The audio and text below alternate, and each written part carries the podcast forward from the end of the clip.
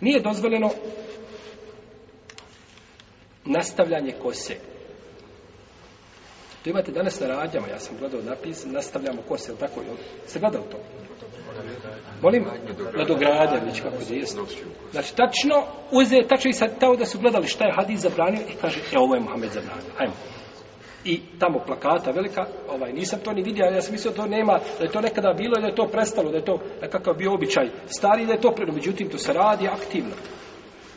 Znači da se, znači nastavlja ta kosa, to je zabranjeno, jer je poslanik sam zabranio onu koja nastavlja kosu i ona koja traži da joj se nastavlja. Znači i jednog i drugog, znači.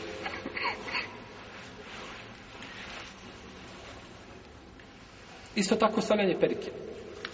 Znači, stavljanje perike ulazi u isti propis.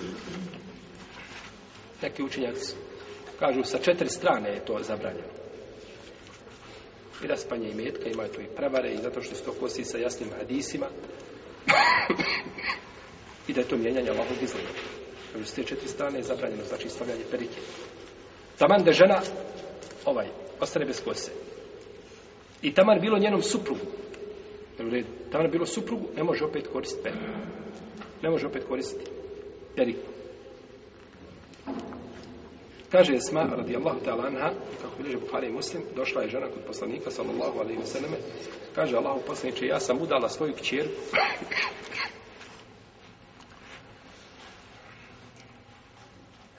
Pa je pogodila bolest. Gotovo sve je posao opala. Kaže pa suprug prigovara da je više ne voli. Mogu li, kaže, da to popravim? Pa je poslanik sa prokleo onu koja prokleo onu koja stavlja tuđu kosu i ona koja traži da se to čini.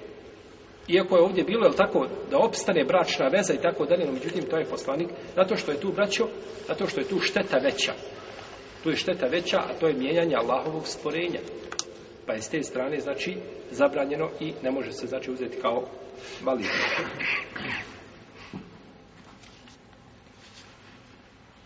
Kaže i Ibn bi Sufjan, jedne prilike je došao i vidio je u ruci svoga od jednog svojih pratioca ili čuvara, vidio je pramen kose, pa je uzeo i digao to na mimberi. Pokazao, kaže, o ljudi, kaže, gdje je vaša ulema? Gdje je vaša ulema? Znači, ima neko da vam govori, kaže.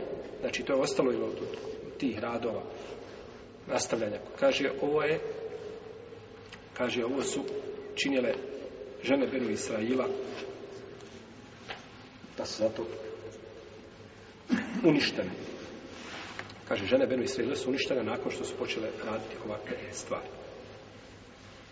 Pa je znači zabranjeno korištenje perike. To je radi muža i žene, ovaj, između supruga, znači i njegove supruge. Što mislite onda kako je kada žena stavi periku pa iziđe na ulicu ili ovaj, glumica i slično tome, tada ima hrpu belaja i harama.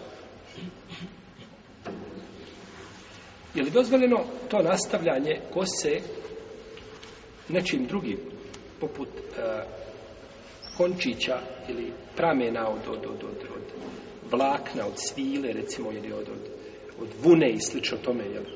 Ne znam jeste to vidjeli i to je praksa. To danas rade.